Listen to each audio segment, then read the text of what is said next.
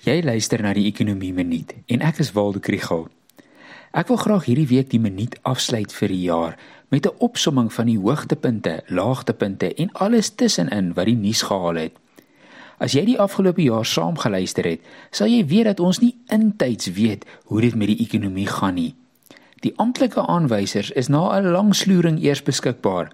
En tussendeur soek ons vir leidrade en aanwysers oor die stand van ekonomiese groei, inflasie en werkskepping. Ek het baie gepraat oor rentekoerse, hoe dit met die FSA se ekonomie gaan, oor beerdkrag en die fiskale posisie. Vandag wil ek net gou weer sê hoe dit ons almal raak. Hoe dit met die ekonomie gaan en die kragte wat dit beïnvloed raak elkeen van ons. As die ekonomie groei, is die kans beter om 'n werk te hê. As jy 'n besigheid het, is die kans beter dat jy wins gaan maak en beter salarisse kan betaal. As besighede goed vaar, dan vaar hulle aandele beter en dit is goed vir jou pensioenfonds. As die ekonomie groei, is die staatsfinansies meer volhoubaar.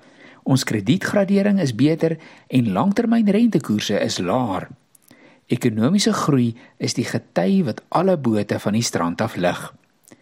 Die teenpool is hoe sleg 'n hoë en wisselvallige inflasiekoers vir die ekonomie is. Dit vreet die koopkrag van jou geld. Dit demp investering. Dit tref arme mense die hardste en noodsaak hoë rentekoerse om dit te beveg. Ons is hierdie jaar almal deur inflasie geraak. Dan het ek ook oor baie ander dinge gesels, soos belasting, besoedeling, vakbonde, back and closure, die wisselkoers en aandele en effekte markte maar alles het iets te doen met die ekonomie en daarom is dit interessant.